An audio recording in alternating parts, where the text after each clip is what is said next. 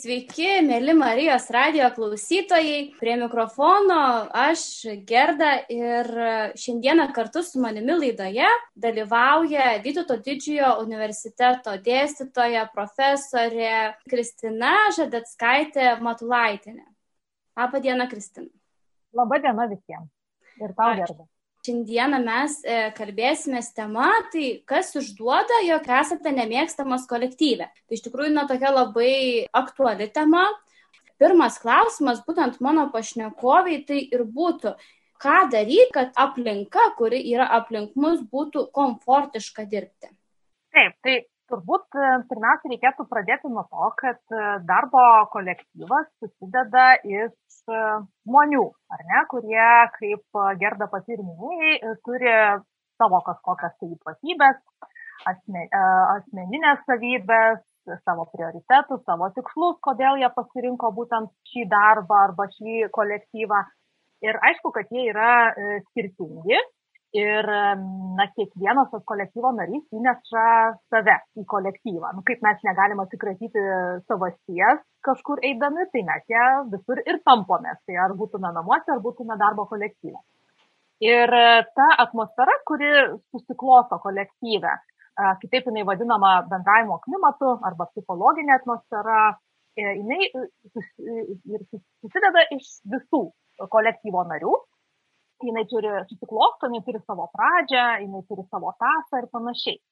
E, jeigu taip labai bendrai ir įvedant į temą pasakyti, tai e, iš esmės ta pozityvi atmosfera arba komfortiška atmosfera dirbti e, priklauso, na, yra sukūriama iš pagarbos. Iš pagarbos vienas kitam demonstravimo. Ir tas pagarbos demonstravimas, jisai iš bendravimo psichologijos žiūrint, turi labai konkrečius požymius arba elgesius, iš ko gali suprasti, kad žmogus elgesi pagarbiai vienas su kitu. Ta komfortiškumą sukuria toks elgesys, kur yra mažai vertinimo, dabar sakant, nėra vertinamas žmogus, o tu čia blogas, tu negeras, tu čia toks arba kitoks, kur nėra kontrolės, kur nėra bandymo reguliuoti ir aiškinti, ką ir kas turėtų daryti, nėra viršenybės, tai yra laikomasi lygiavertiško principo, net jeigu žmonės turi savo kažkokius skirtingus įsipareigojimus, ką jie turi padaryti, tačiau į juos žiūrima kaip į asmenį vertą pagarbos tiesiog, kuris stengiasi daryti tą savo darbą. Tai yra laikymasis tokio lygiavertiškumo pozicijos. Taip pat m, komfortišką atmosferą sukuria empatija. Tai yra, na, kai, tu, kai tau rūpi, kai tau rūpi ne tik tavo asmeninė savijauta, bet ir tavo kolegos savijauta. Tam, kad ta atmosfera būtų pozityvi. Ir dar du dalykai, tai yra, na, toksai vadinamas natūralumas arba autentiškumas, tai yra nebandymas manipuliuoti, nes labai e, neigiamą atmosferą sukuria, kai kažkas iš kolektyvo bando netiesiogiai pasakyti, kad galbūt jam kažkas nepatinka ar turėtų būti padaryta, bet kažkaip sumanipuliuoti, susukti, sureguliuoti taip, kad tas kitas žmogus jaučiasi, na, iš tikrųjų, kaip, kaip žaislas arba kaip marionetė ir iš to tikrai gali kilti labai daug nepasitenkinimo ir noro ginčytis, ir noro kaltinti, ir noro atsiriboti nuo kolektyvo ir panašiai. Ir dar vienas aspektas tai yra laikymasis tam tikro, na, sakykime, nedemonstravimas ne įsitikinimo irgi negatyvią atmosferą sukuria, kai kažkas mano, kad nu tik mano teisybė ir tik mano nuomonė yra vienintelė teisinga ir galima, o jūsų visų kitų nuomonės, tai žinot, pasidėkit tas kažkur tai po lapų krūvą. Tai va, tai kitaip tariant, žodžiu, pagarbos rodimas sukuria komfortišką atmosferą. Jūsų klausantis, man taip natūraliai tiesiog kilo klausimas, aš tikiu, kad e, mūsų klauso žmonės, didžioji dalis iš jų dirba kolektyvė, tai yra na, tiesiog kartu su žmonėmis. Ir galbūt jaučiam tiesiog tokią neapykantą galbūt kitam žmogui, galbūt e, lengvą antipatiją šiek tiek. Ir aš galvoju, kad tiek mano galvoje, tiek ir klausytojų galvoje tiesiog kyla klausimas, tai vis dėlto ką daryti, jeigu, tarkime, aš pats nemėgstu kolegos, bet galbūt jaučiu, kad ir manęs kolegos nemėgsta. Ką va tokiu atveju tiesiog reikėtų daryti? Tai aš šiek tiek paprovokuosiu klausytojus ir, ir tave pačią. Tai pradėti nuo to, kad iš, pirmiausia reikia savo save sąžiningai paklausti, o iš ko aš sprendžiu, kad manęs nemėgsta. Nes kartais mūsų įsivaizdavimas, kad mūsų nemėgsta, yra susijęs ne su kažkokiam tai objektyviom aplinkybėm, bet su mūsų vidiniais demonais. Tai reiškia, kad, na, pavyzdžiui, gal, e, gal iš tikro aš pats kažkaip nelabai patenkintas to savo pasirinkimu. Ar kolektyvo, ar pačiu darbu. Gal aš pačiu savim nepatenkintas. Nu, turiu omeny, kad aš ir pats savęs nemėgstu ir tada man atrodo, nu, tai jeigu aš savęs nemėgstu, kaip mane kažkas kitas gali mėgti. Nu, tai aišku, ašgi toks, nu, toks nefainas bendrauti nemoku, e, visokių klaidų pridarau, nelabai suprantu, ką gyvenime veikiu, tai, nu, aišku, kad ir, ir, ir kitas tą mato nu, taip dažniausiai mums atrodo, ne? Tai va tas vidinis kažkoks nepasitenkinimas ir neprieimimas savęs arba savo pasirinkimo, jisai savotiškai yra, gali būti projektuojamas. Na čia psichologai tokią savoką naudoja kaip gynybos mechanizmą, bandau lyg ir projektuoti kituose. Sakyti, kad kitas manęs nemėgsta, yra savotiškai saugiau. Nu, negi aš dabar sakysiu ant savęs, pripažinsiu savo, kad man su savim nelabai smagu. Tai čia aišku, kad ne, ne, ne aš čia nubaikit, čia, čia va, nu va, čia pusė kolektyvo nusistatė prieš mane. Na va, tai šitoje vietoje turbūt sažiningiausia būtų pradėti nuo savęs. Ar aš patogiai su savim jaučiuosi? Ar aš tikrai esu toje srityje, kuri man patinka, kur aš galiu save realizuoti? Tai, tai va, tai žodžiu, pirmiausia nuo savęs. Tada, jeigu visgi paaiškėja, perkratot ten savo vidų kažkaip, nu nėra to nepasitenkinimo, aš lik ir ir sritį pasirinkau, kuri man patinka ir aš gerai jaučiuosi ir man patinka tai, ką aš darau. Ir visgi, na, čia matyt kažkas su tais kolegom galbūt yra. Tai tada e, svarbu toliau mąstyti ir ieškoti, na, išsiaiškinti, ar visgi kažkoks konkretus kolega manęs nemėgsta. Ar visgi manęs ne, nemėgsta arba nepriima manęs tam tikrose situacijose? Nu pavyzdžiui mano kolektyve yra įprasta pagerti kavutę nu ten kažkuriuo metu. Nu nemėgstu aš tos kavutės. Aš geriu žalią arbatą. Ir ir ir žodžiu tada kolegos ai nu tai čia šita tai ir vėl nu, galim net nekviesti nes vis vien tos kavos negers arba ta kolektyve įprasta sakykime ten ką nors apkalbinėti. Nu jūs nenorit apkalbinėti. Ir jūs tada neinate ten tos kavos ar tos žalios arbatos gerti nes žinot kad ten bus apkal, apkalbama kažkas tai jūs tada sąmoningai ten neinat na va ir šiaip iš esmės prieš jus gal nu, nėra nusistatę, bet nepatinka būtent va tas aspektas, kad, kad jūs kažko tai nedarote, kas tam kolektyve yra priimtina. Na va, ir tada iš to, tokios, o galbūt žmogus konkretus jūsų nemėgsta, paaiškėja, kad nemėgsta, todėl kad jūsų asmenybės yra, na, totaliai priešingos. Ten gal žmogus toksai plepus, labai mėgsta kalbėtis ir dalintis apie savo šeimą, apie tai, kaip važiavo į darbą, apie tai, kaip užknisa Lietuvos situacija. O jūs, pavyzdžiui, toks vas vidinis žmogus, jūs ateinat savo darbą dirbti, jūs nenorite ten dalintis ir jūs apskritai pozityviai galvojate apie savo šalį, jūs nenorite visai ginčytis. Tai tiesiog, tai, kitaip tariant, tai susijęs su žmogum, su to žmogaus asmenybė ir, ir jo netitikimu su jūsų asmenybė. Arba, kaip jau sakiau, gali būti kažkokia tai situacija. Arba galbūt jūsų nemėgsta, nes jūs netliekate tų darbų ir pareigų, kuriuom, nu, dėl kurių jūs dirbate tam darbe. Nu, pavyzdžiui, galbūt jūs visą laiką linkęs vėluoti. Nepriklausomai nuo to, ar pateisinamos priežastys ar nepateisinamos, bet tarkim, natempėt iki paskutinės minutės ir kolegom dėl to kyla įtampa, kad, na, tarkim, čia liko penkios minutės iki darbo pabaigos, jie turi atiduoti ataskaitą, o jūs vis dar kuičiatės ties ją. Ir aišku, kad tada jūsų nemėgsta ne už jūsų asmenybę kaip po tokią, e, bet už tai, kad jūs na, neatliekat darbo, nu gal atliekate laiku, bet jau tiek su tokiu mažu rezervu laiko, kad kolegom kyla labai daug įvairiausio na, rūpeščio, kaip su tuo susitvarkyti. Na va, ir tada, ką dabar daryti, jeigu, jeigu va, visi šitie variantai yra? Arba kažkuris iš jų. Tai viena vertus, jeigu tai susijęs su tuo vat, savęs neprieimimu, ar ne, tai tada jau čia šitoje vietoje ne kolektyvas kaltas. Jau tada reikia pačiam galvoti, galbūt aš net netinkamai pasirinkau, arba galbūt aš pats turiu tam tikrų savybių, kurias reikia na, kažkaip keisti, tobulinti ir panašiai jeigu tai susiję su kažkokia tai nu to darbo neatlikimu tai šitoj vietoj irgi būtų sąžininga pripažinti ir pergalvoti ar jūs pats norėtumėt dirbti su tokiu kolega kuris tempia iki paskutinio ir sukelia jums kažkokios tai įtampos. Jeigu tai yra na kažkoks tai įprotis jūsų galbūt reikia mokytis jį keisti kažką tai su visu tuo daryti. Jeigu tai su kažkokiais asmenybės ypatumais skirtingumai susiję. Nu, tai šitoje vietoje tu nelabai pakeisi tą, tą kolegą. Tai tada jau turbūt svarbu pergalvoti, ar iš viso verta keistis, galbūt priimti tas skirtybės ir ieškoti kažkokių kitokių sąlyčio būdų, kaip galima na, sutarti arba rasti bendrystę. Na gerai, jūs nesirenkate ten apkalbinėti arba nesirenkat gerti kavos, bet manote, kad e, yra visai smagu pasidalinti ten savo kažkokiais, tai pavyzdžiui, švenčių patyrimais ir taip toliau, kažkuriuo tai metu. Nu, ten, tarkim, darbo pabaigą, nu, padarot visus savo darbus ir lieka ten kažkiek minučių ir tada ta, ta, tokia va, pasidalinimas vyksta tokiu būdu. Tai va, tai man atrodo, kad tas sprendimo pasirinkimas priklauso nuo to, iš kur kyla tas e, nemėgstamumas. Kaip galvojate, na vis dėlto, kokie žmonės dažniausiai sulaukia to nepritarimo darbinėje aplinkoje? Galbūt jie pasižymi tam tikromis charakterio savybėmis, galbūt na, yra kažkokių tai fizinių tam tikrų kažkokių skirtumų, kurie tokie yra galbūt labiau išoriniai, kurie na, kliudo galbūt tiesiog na, tiems darbuotojams, kurie tiesiog yra šalia mūsų. Tai kokie maždaug žmonės, na, kaip jūs galvojate? Tai e, aišku, e, iš tikrųjų yra tam tikrų savybių, e, kurios yra tokios mažiau palankios kolektyvui arba atmosferai. Nu, kartais ir tiems žmonėms ir patiems su savim gana sunku būti. Tai jeigu šiaip kalbant apie savybės, kurios galėtų būti tokios, na, sukeliančios problemų kolektyve.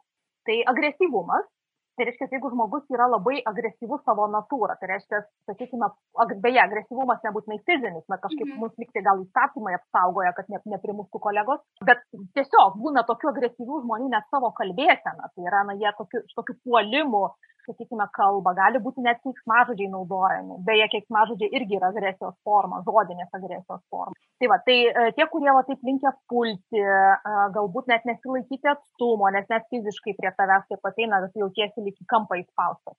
Tai žodžiu, agresyvumas. Taip pat empatijos toka. Tai yra, kai žmogus mm, ne, net nesistengia suprasti, kaip na, tas kitas kolega galėtų jaustis tokiomis aplinkybėmis arba ką reiškia, sakykime, dirbti įtampoje ar, ar, e, tokiems siauriems laiko rėmams. Iš dalies ta empatijos toka yra susijusi su egocentriškumu arba egoistiškumu.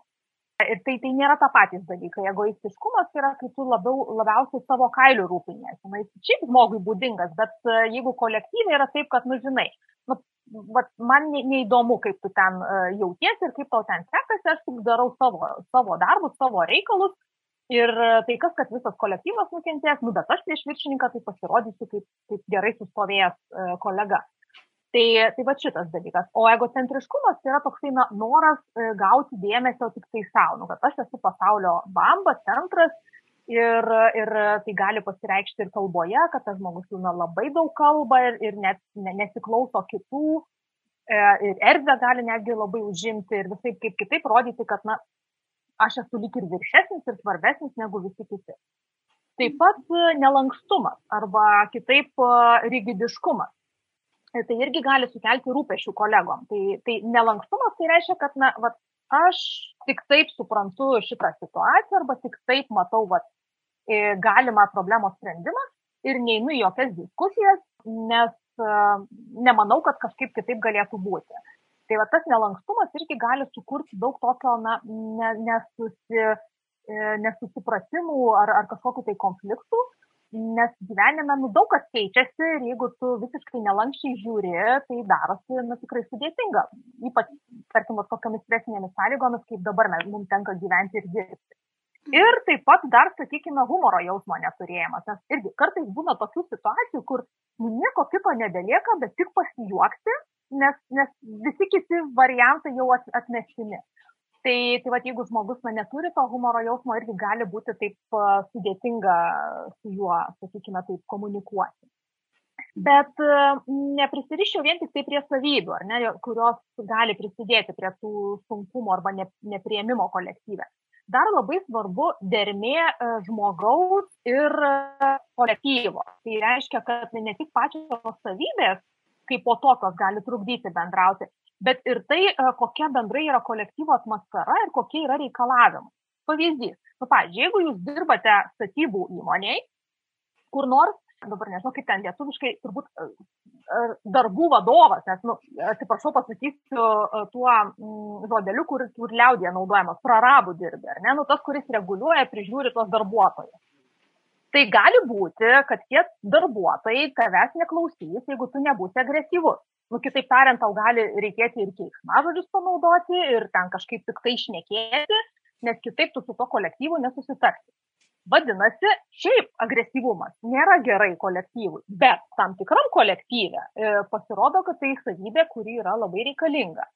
Tai va, tai žodžiu, šitoje vietoje svarbu ne tik savybė, bet tai, ko reikia kolektyve. Nes kolektyvas gali nemėgti žmogaus, kuris nesitinka atmosferos kolektyvo. Nu, kitaip tariant, galbūt tos savybės yra visai geros tam žmogui, bet jis yra toksai kaip, nu, žinot, balta varna. Nu, turiu omeny, va, visi šitaip, o va šitas vienas ne. Nu ir tada visiems kitiems nepatinka, nepaisant to, kad jo savybės gali būti nu, labai labai geras.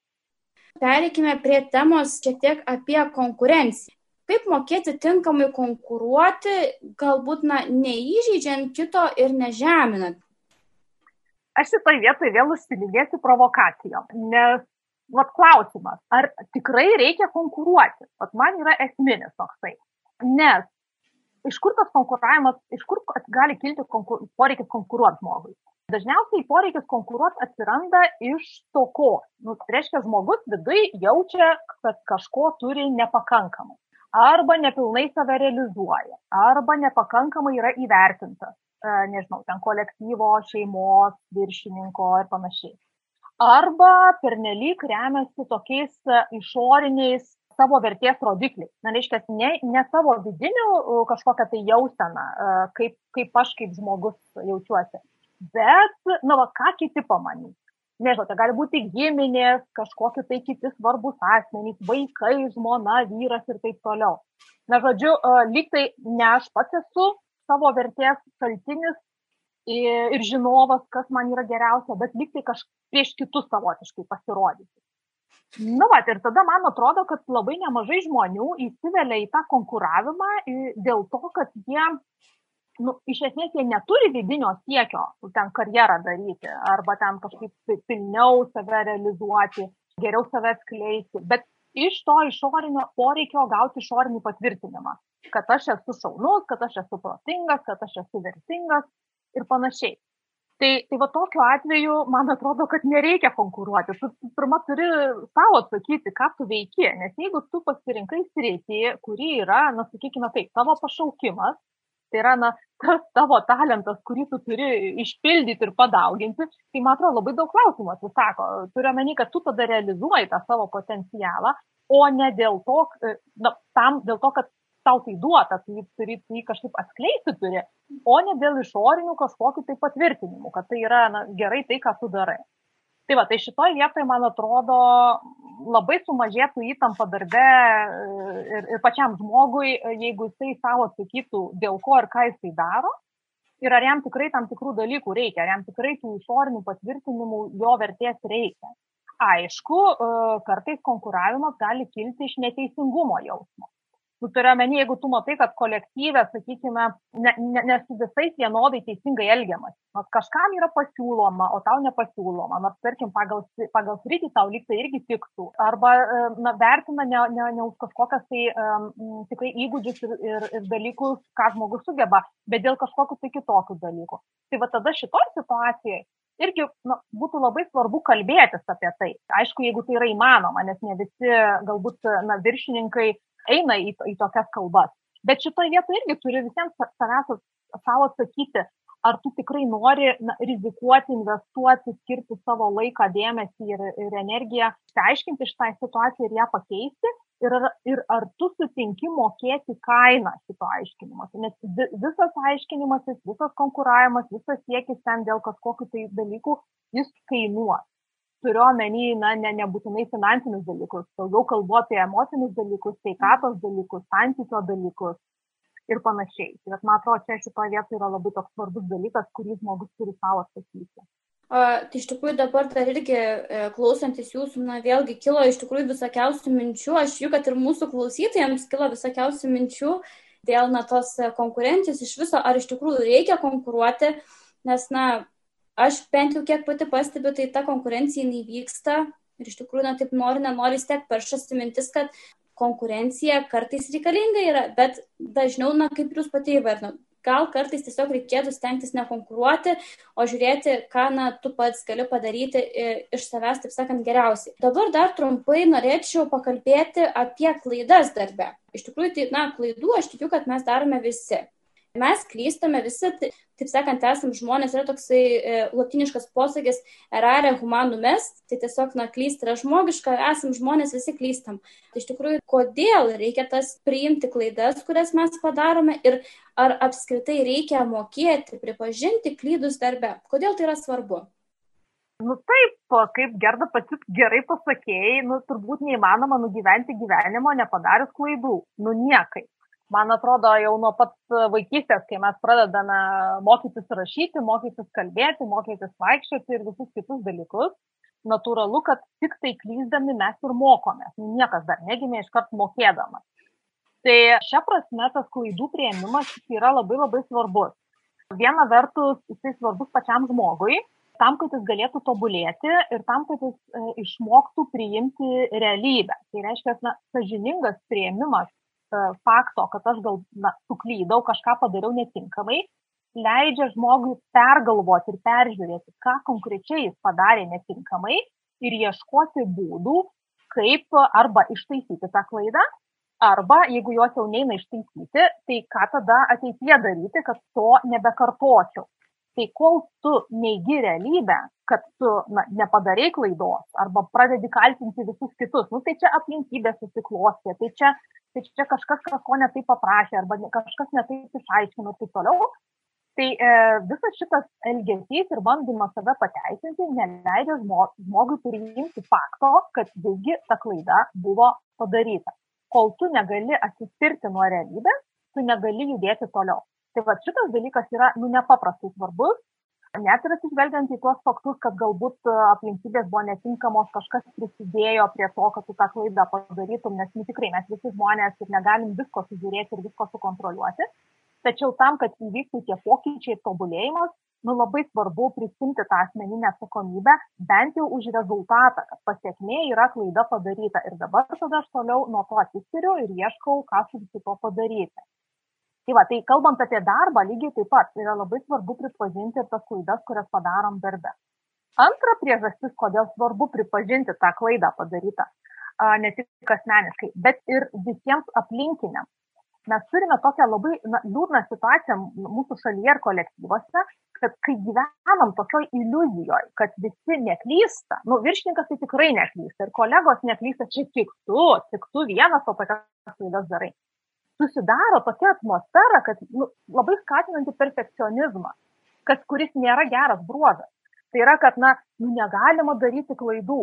Nu, ta prasme, tu iš karto vat, atėjai į darbą ir taip atsisėdai ant kėdės ir jau moky ten tą interviu vesti, arba jau moky tam, nežinau, paskaitas skaityti, jau moky konsultuoti ar dar kažką daryti. Nu kaip, kokiu būdu? Tai, tai vat, kai bandoma rodyti, kad klaidas mes darome visi, ir kad labai svarbu na, pripažinti tai ir toliau iš to mokytis, tai kuria kitokią atmosferą kolektyvę, kad viskas tvarkoja suklysti, svarbu tai pripažinti ir ieškoti būdų, kad tai nebepasikartotų. Tai šito labai visiems mums linkiu, nes tikrai mūsų šalyje šito labai labai trūksta. Dabar irgi toks kilo klausimas, man irgi klausantis, tiesiog aš galvoju, kad, na, galbūt dalis žmonių, na, jie eina į darbą, na, sakysime, bendrauja su savo kolektyvu, bet galbūt jie nieko nedaro, kad, na, būtų, na, taip sakant, kažkokie tai pokyčiai. Tai, na, vis dėlto, kaip galvojate, ką reikėtų daryti, jeigu žmogus na, yra nepatenkintas savo darbu ir galbūt, na, kolegomis tame darbe ir E, galbūt, na, kokios įtakos gali turėti tai, na, tas jo nepasitenkinimus darbu, jo santykiams su kolektyvu. Ar tai apskritai iš viso gali turėti įtakos tam? Galbūt tai yra visai na, tokie nesusiję dalykai, sakysime, tas nepasitenkinimas darbu būtent ir e, santykiai su kolegomis. Taip. Tai žinoma, kad tai yra susiję.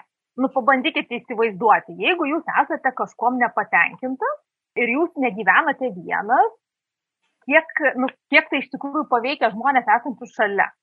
Nu, man atrodo, prisiminkim kiekvieną savo vaikystę ir kai buvome vaikai, jeigu mamos grįždavo iš darbo, man atrodo, iškart visiems namuose būdavo aišku, kad mamai darbė šiandien buvo bloga diena. Nepaisant to, kad tu nebuvai tame darbe, bet jinai tą emocinę atmosferą parsineša. Ir tada ten ir indai nesuplauti blogai, ir batai netaip stovi, ir lova netaip paklota, ir apskritai bardakas namuose. Tai va čia geriausias pavyzdys apie tai, kaip nepasitenkinimas paveikia kitus žmonės esančius šalia. Tai lygiai taip pat ir darbo kolektyve. Ir e, vėlgi tai paveikia ir patį žmogų, kuris yra nepatenkintas savo darbu, ir jį, ir, ir tuos kitus esančius šalia. Ir šitoje vietoje labai svarbu uh, žmogui, kuris yra nepatenkintas savo darbu, uh, na, padirbėti tokiais dviem aspektais. Skirti uh, du tokius svarbius dalykus. Tai pirmas dalykas, kurį svarbu uh, apsvarstyti ir išsianalizuoti, ar tas nepasitenkinimas darbu yra susijęs su mano paties kažkokiu na, neteisingu, netinkamu prieigimu prie darbo. Tai reiškia, kad, pavyzdžiui, aš pasirinkau ne tą darbą.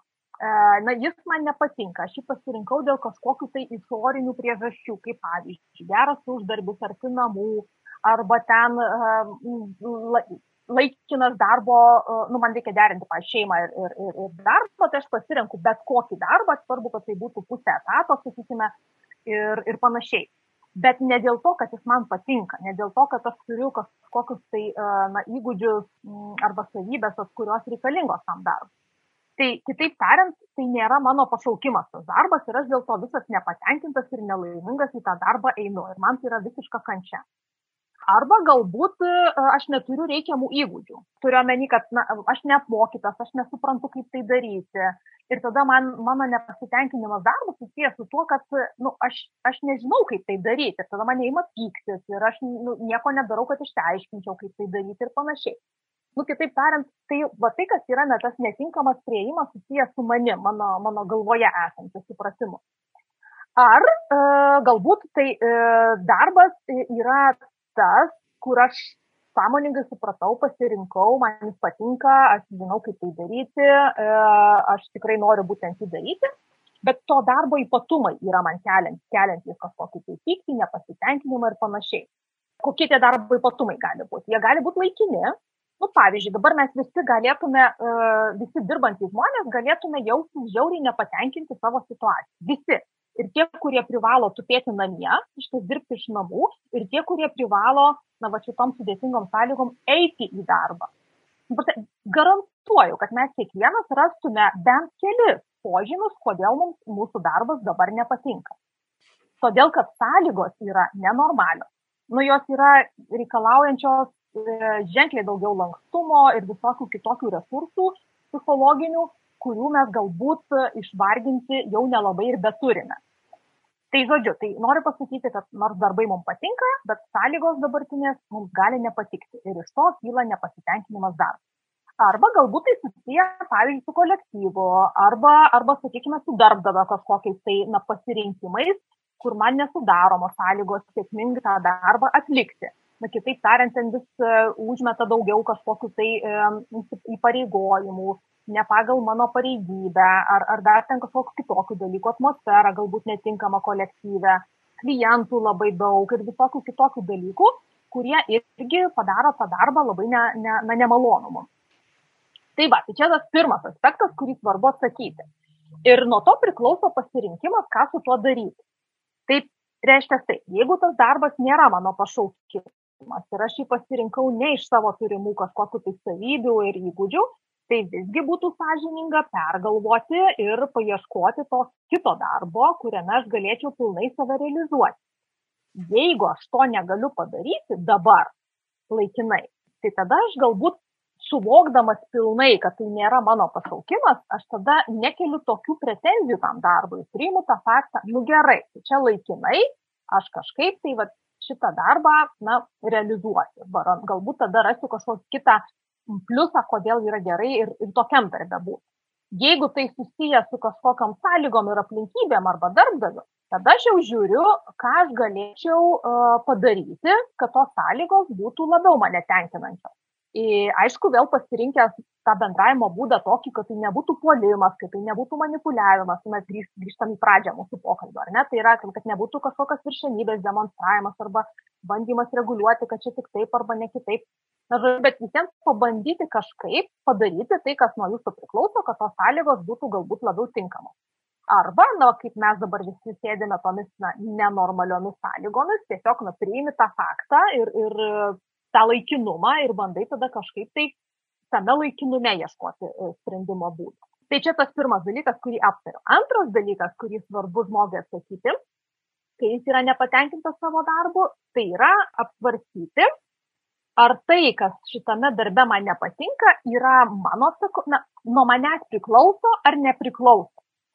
Ir e, šitoj vietai uh, reikia daryti tai, kas nuo tavęs priklauso ir nesirūpinti arba nesinervinti dėl to, kas nuo tavęs nepriklauso. Nes nervindamasis tu neišspręsi situacijos, todėl kad tu jos nevaldai. Bet tai, kas nuo tavęs priklauso, tu kaip ir privalai prisimti atsakomybę ir padaryti. Na pavyzdžiui, jeigu tu niekada su savo darbdaviu nekalbėjai apie tai, kad na, pagal tavo pareigas ar pagal tos darbus, kuriuos tu turi padaryti, e, tau užkrauna kažko tai daugiau ir tu nesuspėjai padaryti savo tiesioginių įsipareigojimų, jeigu tu niekada net nebandai kalbėti, nu tai natūralu, kad tas darbdavys gali net ir nežinoti apie tai. Nu jis pripratęs, kad, nu, šita tai yra labai tvarkinga, labai kruopšti, viską padaro, ką jai duodi. Tai kodėl jai neduoti? Nu, aišku, kad duoti, nes jinai nieko neprieštarauja. Tai va, tai šitoj vietoje yra sažininga e, visgi pasiryšti, na, nu, aišku, surasti būdą, formą ir kalbėti tai. Jeigu tai visgi nuo tavęs nepriklauso ir tu negali niekaip pakeisti, paveikti tos situacijos, tada lieka, nu, vėl keli keliai. Arba keisti požiūrį, arba keisti darbą. Nu, turiu omenyje, atsisakyti tada jo. Bet šitoj vietoj e, tas požiūrio pakeitimas, tai irgi gali būti labai, nu, labai vertinga. Nes iš esmės bet kokia veikla, jeigu jinai mums yra nemalonė, kelianti kažkokias negatyves emocijas, varginant ir panašiai, jinai vis vien gali turėti tam tikrą pozityvų aspektą. Mano pagrindinis šio pus pusmečio motyvas, leitmotyvas yra kantrybė. Aš sakiau, kad šitas pusmetis yra nu, tokia dovana kantrybė ugdyti, kad jaučiuosi jau ir dešimtos klasės egzaminus kantrybės išlaikius ir jau tuoj abitūros egzaminus pabaigsiu ir jau norėčiau daugiau nebeturėti tų egzaminų kantrybei ugdyti, bet nu, panašu, kad dar reikės pakentėti. Bet, bet kuriuo atveju, nes čia yra tokia situacija, kurios tu na, negali pasirinkti, ne? tai tada kaip tu žiūri, nu, okei, tai reiškia, tai mane moko, tai vis vien yra pamoka, kur, kur aš, aš dalyvauju toje pamokoje ir rezultatas tai bus mano, nu, pažymį, kokį aš gausiu, sakykime. Tai čia bus apie mane, ne apie tas aplinkybės, ne apie tą virusą, kuris neaiškus, kur atėjo, bet apie mane, nes tai yra mano elgesys, mano, mano galbūt kalbėsena, mano laikysena, kuri, uh, už kurią esu visgi aš pati atsakinga.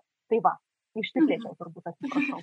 Na vis tiek norėtųsi kažkiek pakalbėti ir apie tuos tarp asmeninius santykius darbe. Aš manau, kad galime matyti visokių situacijų, kai tiesiog kolegos galbūt na, šalinasi mūsų, nenori bendrauti. Na, čia toks labai geras pastebėjimas ir, ir tokia iliustracija, na, va tam, kodėl labai svarbi empatija kolektyvė, ar ne? Nes mes kiekvienas kaip ir reaguojame tai, kai, kas mums yra būdinga.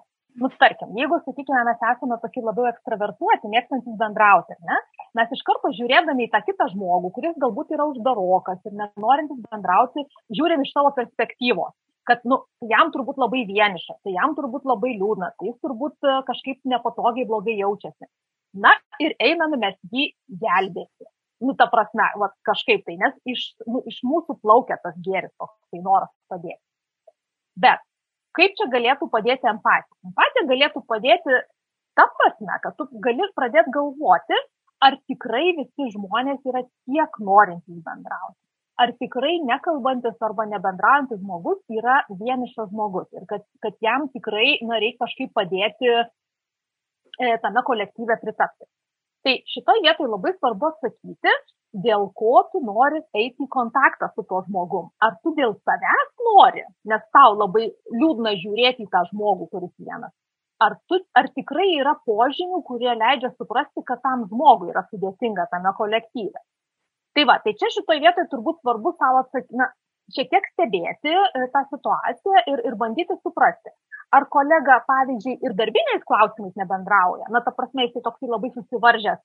Darbinius klausimus jis visai mielai dalinasi, ir ten pajuokauja, ir papasakoja, tačiau kai pasisuka kalba ten apie kokią nors ten šeimą, arba savaitgalį, arba dar kažką, va tada jisai atsiriboja. Tai galbūt e, tai yra tiesiog na, žmogaus tokia na, pozicija arba vertybinis klausimas, kad jisai apie savo, sakykime, šeiminius dalykus visai nenori dalinti. Galbūt jisai nesaugiai jaučiasi ir mano, kad na, aš nežinau, kur ta informacija iškeis galbūt ankstesniam kolektyvai jisai susidūrė su situacija, kad kažkas, e, na, iš jis kažko pasidalino asmeniško, o kiti, o kiti išpasakojo pusę į ten kolektyvą arba visai į įstaigą.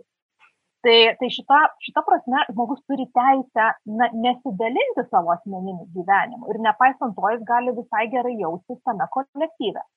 Tai va šitoje vietoje turbūt svarbu visgi na, neužbėginėti už akių ir nespręsti už kitą žmogų, na, nesurinkus pilnos informacijos dėl, to, dėl tokios jo laikysenos. Taigi visada galima padaryti paprastai, e, kažkada, na, kai yra tinkama proga prieiti ir pasakyti, nu, sakykime, nu, matau, kad tu čia šiek tiek, na, e, vienas pats savo, žinai, man būtų smagu tave pažinti, gal tu norėtum pasikalbėti arba pabendrauti prie, prie arbatos e, podelio. Tiesiog be, be kažkokio tai tokio, na, to primygtinio piršimo ir sprendimo, kad na, va čia būtinai tai yra labai svarbu. Kita vertus, pavyzdžiui, jeigu kolektyvui svarbu sukurti tam tikrą atmosferą, nes tai palengvina, sakykime, darbą, ar ne, nu, va tokia darbo specifika, kur reikia labai daug dalintis e, kartu visiems.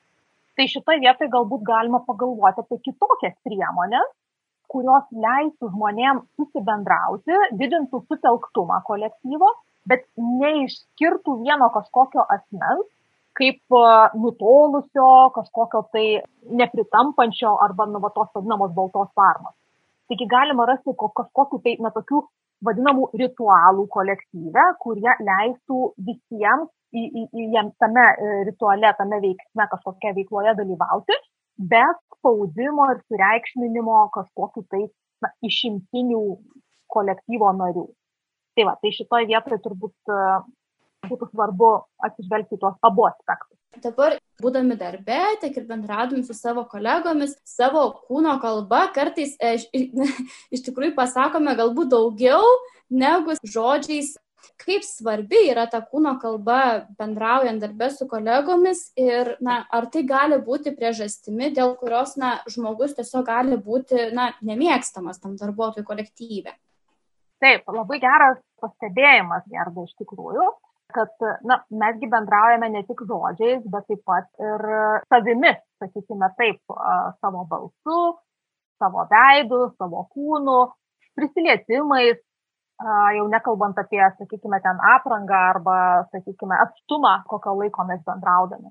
Tai e, kūno kalba, na, tas e, pats bendravimo būdas yra labai svarbus e, kolektyve nes jisai suteikia na, papildomos informacijos kitam žmogui apie to na, bendraujančiojo savijautą, kokios jisai emocinės būsenos, susierzinęs ar pavargęs, piktas ar laimingas, norintis bendrauti ar nenorintis bendrauti.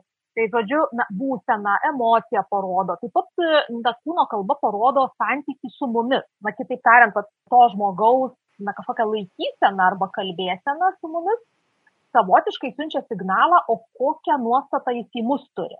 Ar jis mus gerbė, ar, jie, ar mes jam įdomus esame, ar jis nori su mumis bendrauti, kontaktuoti ir panašiai.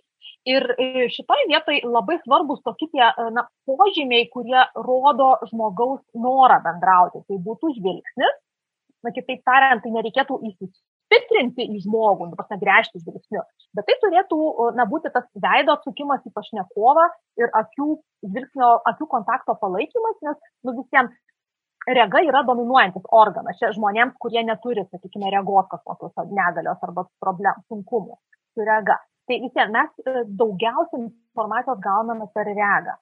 Tai todėl va, tas toksai e, kontakto palaikymas žvilgsniu yra labai svarbus. Taip pat kūno pozos pats palinkimas arba sėdėsena, stovėsena. Nu, turbūt jau aiškesnio signalo, kad aš nenoriu su tavim turėti jokių reikalų, kaip atsukimas nugaros būti negali. Nu, kitaip tariant, jeigu kolega kažko tai klausia, o tu jam atsakai nu, visiškai nusisukęs, tai tu uh, savotiškai jam siunti žodžius, kad, nu, žinai, aš turiu ženkliai svarbesnių reikalų negu čia tu. Tai va, tai, tai šia prasme tai irgi gali būti suprasta kaip na, nenoras bendrauti, gali būti netgi suprasta kaip kažkoks priešiškumas ir panašiai. Nu, dabartinė naujoji technologija, kuri labai žudo bendravimą, tai yra va, mobilus telefonas kur irgi tu reiškia savo visas žvilgsnis yra kažkur tai ten technologijose, o, o, o tu bandai su kolega bendrauti, tai, bet visiems tai yra žinutė, kad telefonas man yra svarbesnis negu tu. Tai va, tai visi šitie dalykai jie iš tikrųjų yra na, labai svarbus ir natūralu, kad va, jeigu žmogus vengia palaikyti tą kontaktą, nusisuka kūnu arba kalba kažkokiu tai pakeltų tonu. Beje, gali erzinti kolegas ir, sakykime, prisilietimai, nes, nu, sakykime, taip, žmonės skiriasi pagal tai, kiek jie mėgsta būti liečiami ir mėgsta apskritai liestis prie kitų. Ir kadangi, na tikrai labai skiriasi, ne, visi žmonės, ne visiems žmonėms patinka, kad prie jų kažkas ten glausinėjasi ir nekalbu apie, sakykime, seksualinį priekabėjimą, tiesiog žmogiškai, ar ne? Tai va, tai šitoje vietoje yra labai svarbu e, vėlgi būti va tuo empatišku ir žiūrėti, kaip žmogus reaguoja. Galbūt, na, visai nereikia provokuoti arba sukelti papildomos įtampos liečiantis prie kito žmogaus. Jeigu būsi pastabus ir, ir tikrai, na, žiūrėsi ne į telefoną, o į savo pašnekovą, jis tau siūs labai aiškiai žinutės, kad, nu, žinai, visų pirma, jis atstumą padidins arba netgi kažkaip atsiribos nuo tavęs, jeigu matys, kad tu čia jau pernelyg kažkaip tai nori bendrauti. Tai va, tai šitą vietą labai svarbu uh, į tai atsižvelgti. Atstumo nesilaikimas yra vėlgi čia tie, va, kaip aš sakau, lipnų žmonės, kurie mėgsta liestis, jie dažniausiai ir atstumo nesilaiko, jie praktiškai tau vos neįveidą šnopuoja sakykime, arba labai tokie entuziastingi, tai netgi ir spjaudytis gali. Nu, ne dėl to, kad ant tavęs nori užsispjaudyti, bet nu, ten jiems tiek daug emocijų, kad ten viskas, viskas laisvas, sakykime.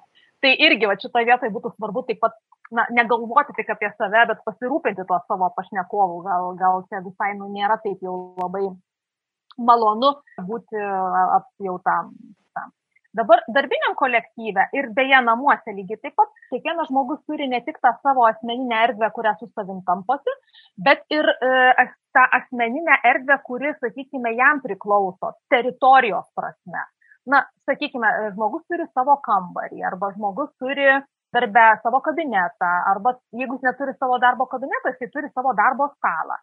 Ir tai irgi yra jo savotiška asmeninė erdvė, prie kurio, į kurią neturėtų teisės na, laisvai lysti kolega, kuris to nesiklausė. Aišku, jeigu jūs dalinatės darbo stalų keliese, nu vis vien kažkokia tai dalis to tos sumos turi būti, žmonės tada bent jau stalčiais pasidalina. Nu, ten nežinau, va, pavyzdžiui, mano pirmas, antras, o tavo trečias, ketvirtas. Ir būtų didžiulė nepagarba ir toksai na, autonomiškumo žmogaus pažeidimas, jeigu tu nesiklausęs, kuitiesi po, sakykime, žmogaus daiktus, jo stalčius ir, ir panašius dalykus. Tai šitoje vietoje tai yra tikrai labai svarbu gerbti na, va, tą asmeninę erdvę, asmeninius daiktus, nes tai kūrė tam tikrą pasitikėjimą ir atmosferą kolektyvę, teigiamą. Panašiai ir su laiku.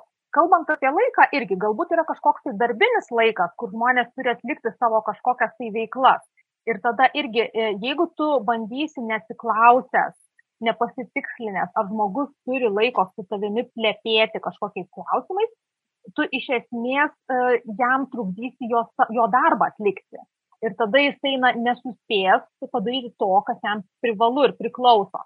Tai šitą vietą gerbent tą laiką irgi būtų gražu ir mandagu pasiklausti. Na, žinai, aš čia noriu, ir, ir beje, tas pasiklausimas turėtų būti susijęs na, e, ar, arba su darbiniais, jeigu tai yra darbiniai klausimai, visiems mandagu paklausti, žinai, aš turiu pat keletą darbinių klausimų, ar tu galėtum man skirti dėmesio, arba galbūt, na, kada tu galėtum man to laiko skirti, priklausomai nuo to, ar ten skubus klausimas, neskubus klausimas, bet tikrai ne, nereikėtų eiti su tokiu, na, pilnu įsitikinimu, kad kolega yra prieinamas bet kada. Nu, nu tikrai ne, nes jisai, matyt, turi savo kažkokiu tai įsipareigojimu, kuriuos privalo padaryti.